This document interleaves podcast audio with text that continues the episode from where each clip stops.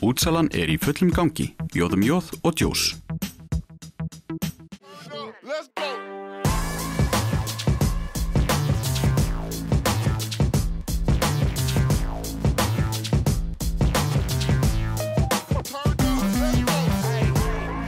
Já, komið sæl og velkomin í taktíkina. Það eru helböttur breytingar á liði Þór Káa fyrir næsta tímabil og nú er það ljóst að fyrirliðin er á leiðinni í burtu og hún er komin til mín hingað í settið. Velkomin Sandra. Takk fyrir það. Nún er þú að gera þinn fyrsta atvinnumanna samning og það er til við bæjar Leverkusen til já, 2020. Þetta er nú samt svolítið öðru vísi heldur en þú eru fórst síðast til þeirra. Nú er nýr völlur, nýtt æfingarsvæði, nýr þjálfari. Já, þetta er í rauninni nýtt lið sem ég er að fara til. Ég þekki nú vel til borgarinnar og veit hérna hver gæðin eru og svona í deildinni en, en að því að eins og segir nýtt æfingarsvæði og nýr leikvöllur og nýr þjálfarar þá er þetta svona nýtt spennandi verkefni á sama tíma fyrir mig.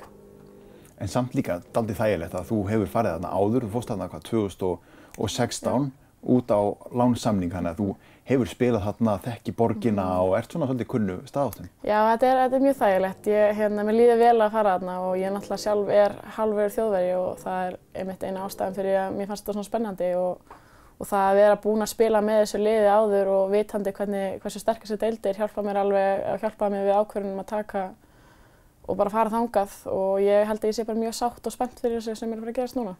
Er einhver munur á þessu, nú ert að gera atvinnumanna samning en þú hefur verið að fara út á, á lánsamning, er, er samningurinn betri núna? Já, þetta er, þetta er öðru sig, bæði þú veist samningurinn sjálfur og svona hugsunarhátturinn minn hérna varðandi það að fara út, uh, alltaf bara ennþá betri samningur og, og hérna deildin úti gera alveg vel við leikmennina sína og síðan alltaf fyrir mig bara að fara út og hugsa ekki já ég er að fara til Íslands aftur eftir fjóra mánu, eftir þrjá mánu, heldur að vera bara með 100% fókus á deildina úti, það er, það er mjög gott fyrir mig og, hérna, og það er eitthvað sem á eftir að vera bara skemmtilegt og svona er kannski munurinn á því að vera að fara út á lánsamning og svo, eins og núna að fara á atvinnumannsamning. Hver eru markmiðin hjá liðinu á þessum tíma sem þú ert að skrifa undir núna til 2020? Ég held nú að hérna, markmiðin núna og það er búið að vera held ég bara allt tímabili hjá þeim hinga til er bara fyrst og fremst að halda sér í deildinni. Þetta er náttúrulega lið sem að er, var að koma upp í þessa deild núna unnu fyrstdeildina í fyrra og, og hérna, markmið er bara að halda sér hreint í deildinni. En að sjálfsögðu er liðin og leikmenn með metnað og vilja gera ennþá betur og hérna, núna er alltaf markmið bara að stíga ennþá herra í töflunni í deildinni og, og það er mjög þjætt á milli liðana sem eru svona í setni helmingum í deildinni og hérna, því ætlum við bara að reyna að komast enn ofar í deildinni og, og hérna, gera vel það sem eftir er á tímabili. Nú heyrir maður aðtunumanskan, þetta er ekkert grín þetta líf að vera að fara út og, og það er margt, þú veist, bæði innan vallar og, og utan vallar. Ferðu ein út? Já, þetta er, þetta er margt öðru sig en, en stað, eins og staðin núna þá ætlar mamma að koma með mér út og hjálpa mér að ferja allt þetta dót sem ég þarf að vera með að maður er að fara að búa þarna í langan tíma þannig að maður þarf að taka ímislegt með sér. En síðan hérna, mun ég búa með einni stelpu sem er hérna, að fara að skrifa undir hjá liðinu þannig að það er líka einn munur frá því núna og síðustu tvö skipti sem ég farið út og ég held að það sé mjög, mjög fínt fyrir mig að búa með einhverjum og sérstaklega einhverjum í liðinu þannig að ég geti komist ennþá meira inn í hlutina og, og ég held að það eftir að vera góð reynsla. Hvernig leggst þetta svona í því? Ertu, ertu farin að meðtaka þetta eða, eða kemur það kannski þegar þú fattar að þú ert ekki að koma e, heim til Þór Káa þegar tímabili byrjar hér heima? Ég held ég sé ekki ennþá búin að átta mig almíðlega á þessu sko. Jú, ég veit alveg hvað hvað er að þetta er þarna og ég er að fara út en ég held að maður mun ekki almíðlega átta sig á þessu fyrir að maður er komin á völlinu og farin að spila með þeim en eins og ég segi, þetta er náttúrulega búið að vera markmiðið alltaf og ég er svo spennt fyrir þessu og hlakka til að fara út og byrja að æfa við þessar aðstæður sem eru frábærar á núti. Já, tala um þessar frábæru aðstæður bæja Leifurkusen og nú liði sem að allavega knaspun áhuga menn þekkja vel. Mm. Þetta, er, þetta er stór völlur og mm. flott umgjörð sem þú ert að fara inn í þarna og þetta er mikil munur frá já, vellinum hérna Þórsellinum. Já, ég ætla nú alls ekki að gera lítið úr okkar hérna flotta, flotta umhverfi hérna Akureyri og öllu með Þórkáa en, en bara deildin í Þýskalandi og umgjörðin hjá liðanum hann úti er náttúrulega bara á öðrum standardar en það heima. Þau eru komin aðeins lengra en við í þessu öllu og, hérna, og allt, allar aðstæðunar út í Þýskalandi eru til fyrirmyndar, bara góð æfinga aðstæða, það er góð styrtarþjálfun, það er mikið Það er svona mikið kringum lið sem er lagt upp á og það er bara, já, bara frábæra aðstæði frá að til auða. En nú, ef þú værir strákur og verður að fara að spila með bæja Leifurkusin, það eru mæntilega að fengi aðeins öðruvísi samning. Já, bara eins og staðan er núna því miður ennþá í heiminum þá er það þannig að knastbyndu menn eru bara betur settir peningarlega séð og hugsa ennþá betur um þá en, en okkur konunnar og og jújú, að einhverju hluta til þá græðum við stelpunar alveg á því líka. Við fáum góðar aðstæður og, og hérna og bara margt sem við, við græðum á því þegar þeir, þeir eru að fá svona góðar aðstöður og svona en, en mér finnst mjög ósengjant og ég held að, að það séu margir samáli mér í því að, þetta, þetta bil sem er sett á milli kalla og kvenna í eins og knettbyrnu er bara ekki sangjant. Það er ekki svona mikill munur á milli og, og við konunar eigum alveg, eigum alveg meira skilið en við erum að fá. Maður heyrir það líka, þessi röka, það séu meiri tekjur í, í kallasportinu og það séu meiri sjóhanstekjur og mhm. fleiri áhörðunum sem ætti á leikina en, mm -hmm. en svo sér maður eins og þið, þið voru að taka þátt í meistardildina að spila mútið stórliði Wolfsburg, einu besta liði í heimi mm -hmm. og þið eruð að selja klósipapír og manni finnst mm -hmm. þetta svona hreinlega að vera fann að vera spurningum virðingu fyrir því sem þið eru að leggja á okkur að gera. Já, náttúrulega hérna, mjög sorglegt að sjá hvað er rosalega mikill munur á það milli. Þetta er ekkert eitthvað eitthva smá, við erum ekkert að væla út af einhverjum þúsundköllum eða eitthvað. Þetta er, þetta er rosalega mikill munur og eins og segir við að selja klósettpappir daginn fyrir leikumóti Wolfsburg sem er eitt besta leiði heimi og meðan strákarnir, ég veit ekki hvað, liggja í, þú veist, nutti eða eitthvað, skiljur, allt annað en það sem við erum að gera. Þurfa einhvern veginn ofta tíðum ekki að hafa eins mikið fyrir því að bara einfallega spila fókbólta og, og bara eins og meðan meistræðildarleik í sumar, við fengum alveg tróðfulla stúku hérna Akureyri þegar við spilum við Wolfsburg og það var sá leikur í sumar sem var best mæting á og tala um að þessi betri mæting á þennan leik heldur en á meistardöldarleiki hjá strákonum í sumar. Þannig að áhugin er að aukast og hérna, jújú, jú, það er einhver munur á milli sjómastekna og svona en, en það er ekki svona mikill munur eins og hérna, er sagt oft á tíu. Því munurinn, hann fæst heldur ekkert í því hvað þeir að leggja á ykkur. Það er ekkert auðveldar að komast út í atvinnumennsku sem kvennkísleikmaður heldur en kallkísleikmaður. Nei, nei, alls ekki. Ég held að ofta tíum þegar stelpur ég að leggja ennþá meira á sig. Þannig að er minni, hérna, það er færri stelpur sem fara út til dæmis í atvinnumennsku en strákar. En eins og segja það er ekkert, ekkert minna sem við stelpunar erum að leggja á okkur eða, eða eitthvað, einhver, einhver svakalega munur á milli sem ætti að skýra, þetta, skýra En, já, ég held bara að þetta er náttúrulega að þróast í rétt átt. Það eru alltaf einhverja bætingar og maður þarf bara að trúa og halda í vonna að það haldi áfram og, og að náist fullt í jafnrétti einhvern tíman. Og tölum aftur um vinnasamning, nú ert að fara út á tölumannarsamning. Þú hefur farið áður út bæði til Slavia núna í fyrra mm. og svo bæði Leifukúsin 2016. Þá hefur verið að fara út og, og koma aftur heim. Þetta er nú langt undirbúinistímabil og ég skilði vel sem leikmann að, mm -hmm. að vilja spila leiki en mm -hmm. hefur þetta ekki tekið einhvern toll?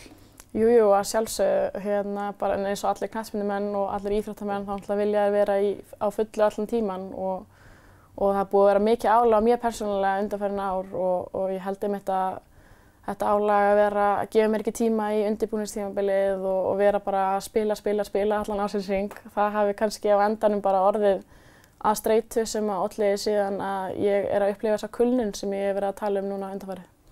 Skulum taka smá pásu núna og höldum síðan aftur. Kíkjum í auglýsingar. Útsalan er í fullum gangi. Jóðum jóð og djós.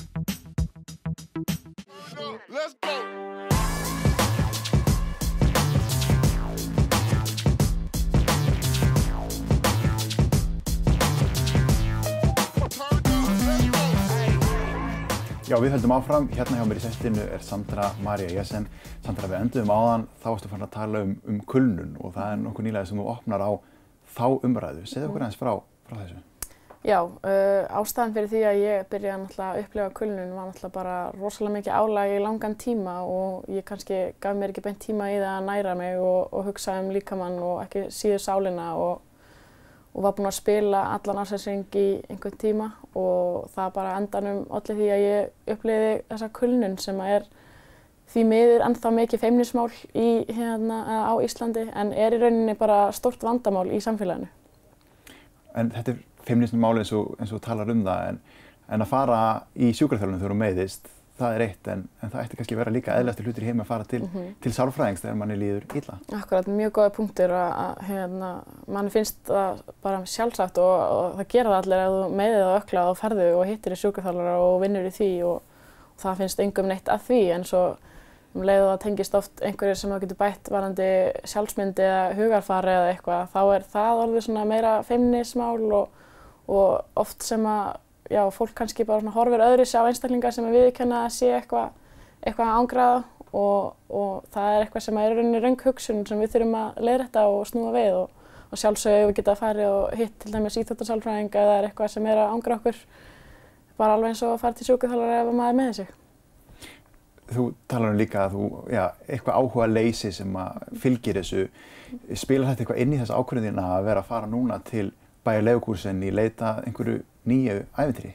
Já, hérna, eina lausnan við því að upplifa eins og kulnin sem ég er með núna er náttúrulega bara að fá eitthvað nýtt og finna hann áhuga aftur og, og nýtt umhverfi spilar það stórt, stórt hlutverk og ég taldi það bara vera góða lausna því sem ég er að upplifa núna og mér langaði að finna og mér langar ennþá að finna þennan hérna, áhuga og þessa gleði aftur og ég finna alveg bara strax að með þeirri ákverðin að vera búin að segja já ég er að fara út, ég er að fara að gera eitthvað spennandi þá er strax búið að kvikna eitthvað svona smá hjá mér og, og ég er alveg fullus um það að komast í þetta umhverju út til sem er frábært að það muni hjálpa mér að yfirstiga þetta.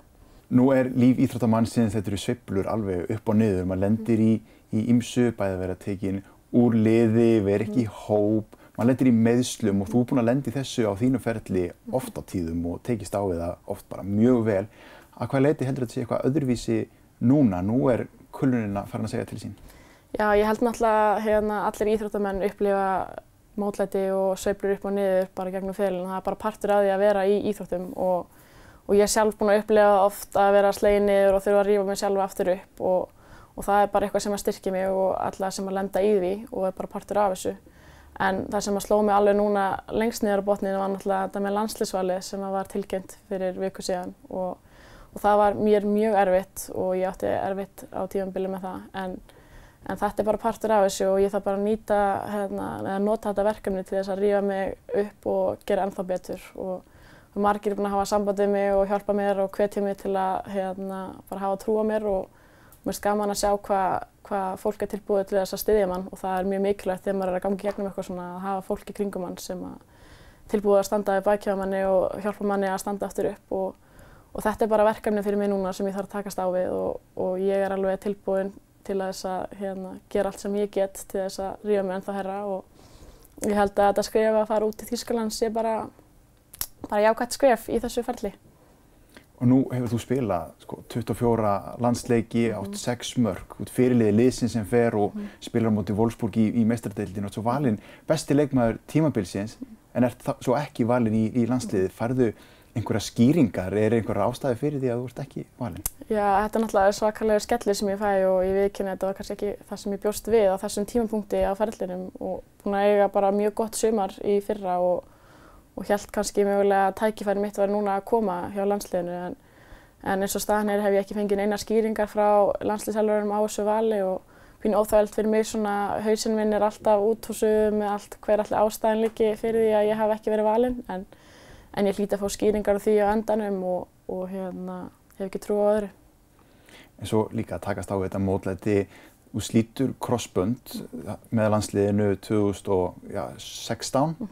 Og kemur svo tilbaka mm -hmm. og það endaði með því að þú ert valinn strax aftur í landsliðið mm -hmm. og þið lifti Íslandsmeistara titlinum og -hmm. eins og það er nú leðilegt að slíta crossbund og lenda niðri þá lítur þú að vera geðveikt að koma tilbaka með svona krafti. Já, sjálfsögðu þetta er náttúrulega, þetta er, þetta er að ferli upp og niður þessar sveiblur í hérna á ferlinum og, og klálega það meiðast eins og þarna fyrir EM, fjóru mánuðum fyrir EM það var náttúrulega rosalega mikil skellur og svona já, erfitt fyrir mig, erfitt tímabill en síðan bara leið og ég meiti mig og fekk þá niðurstu og það væri einhver möguleik að ég gæti náð mig fyrir mót þá bara ákvaði það að ég ætlaði að gera allt sem ég mögulega gæti til þess að koma mér inn á völlin fyrir EM og taka þátt í. Því og það var langt og strangt ferli og ég þurfti að fórna ymsu og leggja mikið á mig. En, en síðan þegar það var tilkynnt að ég væri eina af 23 sem væri að fara út þá hef ég aldrei stolt að neina sem ég gerði og hérna bara að býta jakslinn og halda áfram og það var mér mjög dýrmætt og ég held að það hefði gert þetta EM-mót fyrir mig ennþá skemmtilegra.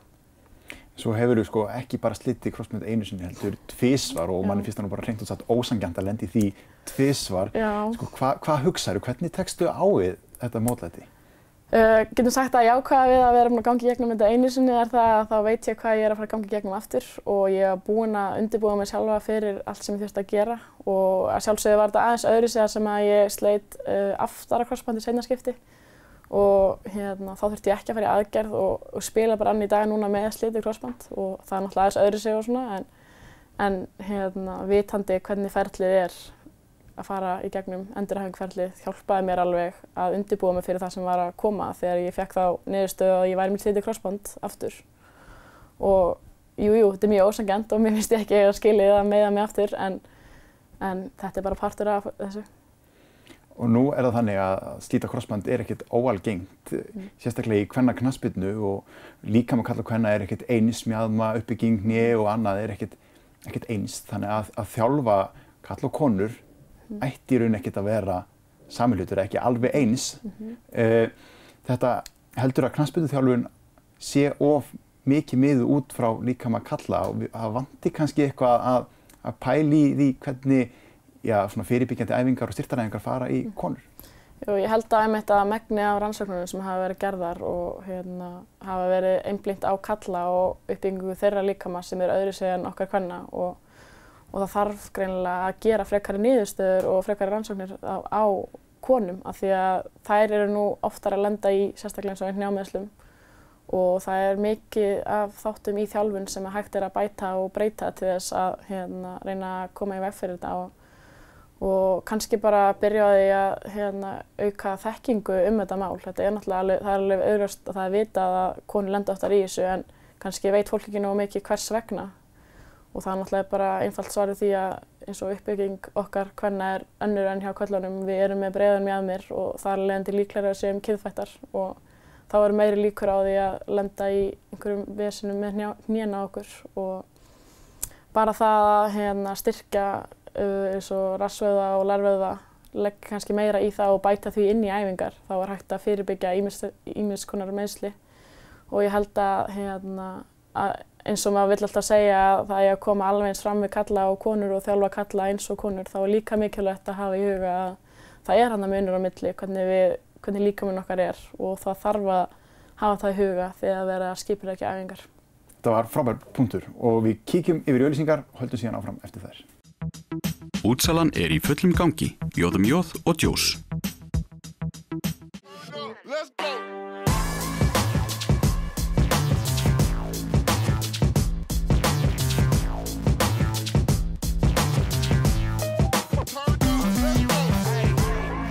Við siglum inn í síðasta hlutan á þessum þætti. Sandra, nú eru rosalega tímamót á þínum ferli. Þú ert að hveðja Þór Káa, búin að spila með fyrir þær 140 leiki, skora 85 mörg. Mm. Þetta hljóta að vera blenda tilfinningar. Já, þetta er náttúrulega mjög blenda tilfinningar en maður er náttúrulega afar stoltur af því að vera að fara út í atvinnumennsku og þetta er búið að vera minn draumur og mitt markmið bara frá því að ég byrjaði í fókbólta og og það að þetta sé komið að raunveruleika núna er náttúrulega bara mjög gaman en á sama tíma að hugsa út því að við erum ekki að fara að berjast með stelpunum í sumar og, og spila með þeim, það er náttúrulega, það er erfitt, maður er að yfirgefa gott en maður er að fara í eitthvað annað en það, en það meira spennandi. Og þú ert núna, þú kveður liðið og varst valin besti leikmæðin í Pepsi og búin að lifta Íslandsmeistaratillinum. Mm -hmm. Finnst þér að vera búin að ná þínum markmiðum hérna heima? Já, ég er alveg rosalega ánægð og stolt af því sem ég er búin að gera með Þórká og ég sjálf líka og mjög gaman að hafa afreikað margt en, en sjálfsögði hef maður vilja ná öðru markmiðum líka en, en ég er rosalega ánægð með bara minn feril og þá ákvörðin að hafa verið hérna allir þessi ár. Ég er mjög þakklátt fyrir það bara. Hefði kannski viljað skora þarna tvö mörg í viðbót eða? Það mætti alveg segja að ég hefði viljað skora þessi tvö mörg sem er mjög eh, sárt og svekkjandi að vanti, já eins og segi, bara tvö mörg upp á að vera markaðistir leikmaður Þórká frá upphafi og og samanskapi hefði ég líka alveg vilja enda sem marka hæst í deildinni einhver tíman en ég hef nú búin að lenda önnur og þriðju og svona þannig að jújú jú, það eru fleiri markmið sem maður, maður á ennþá eftir að ná og því kannski er það bara kvartning til þess að koma aftur setna í Þórká og, og ná þeim. Voru einhver önnur tilbúð núna, veist, hefur þú getað hugsað að fara í eitthvað annað lið á Íslandi? Uh, ég fekk, var, mér var síndur áhuga hérna á Íslandi og, og hérna maður að sjálfsögðu skoðaði ég bara allt sem var í bóði, ég lokaði gjáninar dyrar og og, og svo endanum fannst mér það erfitt að einhvern veginn ímynda mér að spila með einhverju öðru liði á Íslandi en Þórkafa og þar sem ég var að fá góð og spennandi tilbúð út í Þýskalandi og Svíþjóð og Núrei og eitthvað þá, þá einhvern veginn fannst mér bara sjálfsagt frekar að fara út heldur en að vera með öðru liða í Íslandi. Ef við förum að segja hérna tíma, þú kemur hann inn í mistarflokkin hvað 16 ára gömul, segja okkur hans frá því. Það var rosalega gaman að hérna, fá að byrja að æfa strax með mistarflokki þegar maður var 15-16 ára gammal og, og það var, ros, rosalega stoltur af því og, og leið og, og tímabilið hóst 2011 þá var mér strax syngt mjög mikið traust og ég fekk strax hérna, bara sæti í liðinu það tímabil og, mér var syngt mikið traust og það var eitthvað sem að ég held að hafa verið svona upphæðið að því að, að ég byrjaði að blómstra og standa mig vel og, og ég er mjög þakklátt fyrir það í dag og, og síðan, síðan þá hefur þetta bara verið mjög gaman og hérna, eins og segir upp og niður tímabil en, en í dag er ég bara mjög ánæg með allt. Og árið eftir þetta valin í, í landslið, fær mm -hmm. það kall. Mm -hmm. Hvernig tilfinning var það?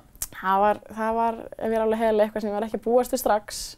Jú, markmiði var alltaf að fara í landslið og ég stend alltaf þangað og ætlaði mér þangað en, en ég fekk kallið aðeins fyrir henni í bjóstvið og, og við kannu ég var alveg í sjokki með það en mér fannst það alltaf bara geggjað og, og hérna, gaf allt sem ég gæti í það og, og á mjög góða minningar strax frá að ég var 17 ára með landsliðinu. Er maður tilbúin í þetta þarna 17 ára? Það má rífast um að hvort maður sé tilbúin eða ekki. Ég, maður kannski var heldur ungur þarna á þessum tíma og, og árið eftir einmitt spilaði með öllum landsliðum Íslands sama árið sem er, sem er mjög mikið. En hérna, ég held að ég hafi lært ímislegt af þessu og, og bara gaman að fengja, fengja einhver tíma með Siggaraka líka sem landsliðshalvar sem var þá með landslið og ég, er glöð að fengja að kynast hans starfi líka. Og, og það má alveg rífast um það eins og segja hvort að maður sé tilbúin þegar maður er 17 ára eða ekki til að vera í landsliði. Við horfum hérna tíma, eitthvað minnistætt, eitthvað sem stendur upp úr? Já, ég verð náttúrulega að segja að minn fyrsti leikur með landsliðinu stendur alltaf upp úr. Og, hérna, ég bjóst aldrei við að í fyrsta verkefninu mínu að vera yfir höfuð bara í átjámanna hóp en síðan það að fá að koma inn á náttúrulega draumur og, og ná þá að skora í fyrstu snertingu í fyrsta landsleik. Þetta er eitthvað sem að ég mun muna bara alltaf, bara alltaf held ég. Þetta er rosalega hérna, góð minning og eitthvað sem ég mun halda alltaf í til að hvetja mig áfram. En með Þór Káa? Það er náttúrulega svo marga góða stundir með Þór Káa, maður er búin að vera þarna í mörg ár en, en að sjálfsögur stendur það upp úr að hafa klárað tvísasunum Íslandssemstaratetilinn. Það er eitthvað sem allir vilja og stefna á hana og, og það er frábært að hafa tekið þátt í því bæjarskiptin sem Íslands, við höfum verið Íslandsmeistarar. Þú ert náttúrulega núna fráhverjandi fyrirliði í liðsins þannig ég veit alveg að þú ert leikmaður með skoðanir. Er ekkert erfitt að fá ekkert að skipta sér af núna? Jú, ég er nú alveg að segja það. Ég hef alltaf mikla skoðanir á hlutunum og hérna er mjög duglega um að tjá mig ef það er eitthvað sem við getum gert öðru sig eða þurfum að leggja meira áslug á og, og það verður eitt af þeim áskorunum fyrir mig að, að passa mig að hérna, stíga aðeins til hliðar og leifa þeim að njóta og það eru vantarlega aðri leikmenn að fara að stíga upp og taka starra hlutverk sem er mjög gott fyrir félagi líka. En ég mun alveg áfram skipta mér að einhverju og vonandi fæ ég að æfa með þeim eitthvað í sumar þegar ég er í sumarfríi frá þýsku deildinni. Þannig að þetta er, svona, þetta er öðru sér fyrir mig, tekur alveg á. Og kannski verður svolítið raunverulegt mitt þegar þú kemur ekki heim og kannski komið tíma á það að þú takir í smá sumarfríi og smá pásu. Akkurat, ég, hérna, ég hvað, fæ pásu í tvo mánu eitthvað frá deildinni á næsta tímabil hefst í Þýskalandi og þá er bara planið að koma til Íslands og vera á Akureyri og hérna og fá mögulega eitthvað að eiga með Þórka og að spurning hversu mikið maður fær að skipta sér af hlutunum þá en, en það er eins og það segir komin tími á það að ég bara gefi mér smá tíma í að bara rækta líka maður sál og gefi mér kannski suma fyrir einsinni. Þannig að núna þetta er, það er svolítið kannski markmiðið með þessum tíma núna sem tekur við, það, þú ert búin að lenda á þessum vegg mm -hmm. og þessari kulnun mm -hmm. og nú tekur við tími það sem ætlar að gefa þér tíma til þess að vinna í sjálfur þér. Já, það er ekki spurning. Núna, núna þarf ég að hugsa um mig sjálfa og, og passa að ég sé ég sé bara að já, mér líði vel. Það er hérna mjög mikilvægt. Ef, ef mann líður ekki vel þá er maður ekki að fara að spila vel þannig að maður þarf að rækta líkama og sál til þess að ná árangri og, og það er mjög mikilvægt að fólk hugsi jafn vel um uh, sálina eins og líkamann til þess að ná árangri í því sem að fólk er að taka sér fyrir hendur. Þannig að fyrir þá mögulega leikmenn og eðfröndamenn sem er að fylgjast með þessu núna, ertu með einhver, einhver ráðleggingar til þess að takast á við yfir þetta að lenda á vegg og finna fyrir áhuga leysi? Já, ég er alveg með nokkur á og hérna búin að alltaf, ég er að læra núna í skólanum íþróttasálfræði þannig að mjög áhugavert að vera að læra það sem maður er sjálfur að lenda í og, og ég vil bara nefna til dæmis það eins og að hugsa um mataræði, það er mjög mikilvægt þegar maður er að upplega svona og síðan með hreyfinguna, auðvitað á maður að halda áfram að hreyfa sig, það er ekki hægt að stoppa bara og einhvern veginn ætla til þess að þetta lægist allt, þú ert að halda áfram að hreyfa þig en það sem maður getur gert öðru sig kannski er að hérna, vera með minni þingdi í því sem þú ert að gera og sömulegis kannski að hafa æfingarnar aðeins stittri en byrst sér frá þessu tvenni síðan er náttúrulega hægt að bara tjási um þetta, viðkenna fyrir sjálfan sér ef maður er að upplifa þetta og vera í kringum fjölskyldu og vini og svona og rækta bara sjálfsmyndina og hvernig þú hugsa um sjálfa þig. Ég held að það sé ímislegt sem hægt er að gera. Maður gerir allavega ekki díu sem að bara bælir þetta og segir Nei, engum frá því það, þetta bætist ekkert, þetta lagast ekkert ef maður gerir ekki neitt í þessu. Ég er um að gera það svona hérna, hugsa út í þetta og pæla hvað maður getur gert. Kannski byrjunin bara eins og ég segja að viðkjöna þetta og síðan kannski taka sér, ég veit ekki, nokkra tvær, þrjár vikur í pásu og gáðast að áhugin komið aftur og, og þá vonandi leita að lausna og finna eitthvað sem að virkar á þig. Það var alltaf spennandi að sjá hvernig þú tekst á við þetta og þennan tíma í, Mhm. í atvinnumennskunni. Yes, ég, ég er mjög spennt fyrir þessu sem er að fara að koma núna á mínu ferli og þessu spori sem ég er að taka núna í að fara út og, og vonandi er það bara hjálp og mun bara nýtast mér vel til þess að taka það skrefum og losna við þessa kulnin og, og bæta mig sjálfur sem leikmann. Brjóta hana vekk. Brjóta hennan vekk sem ég er búin að mynda. Já, Takk kærlega fyrir að koma í viðtal Sandra takk fyrir. og takk áhörður fyrir áhörðu í þessum þætti. Það er alltaf erfitt að kveða þáttinn en það verður annað þáttur í næstu viku. Við sjáumst þá.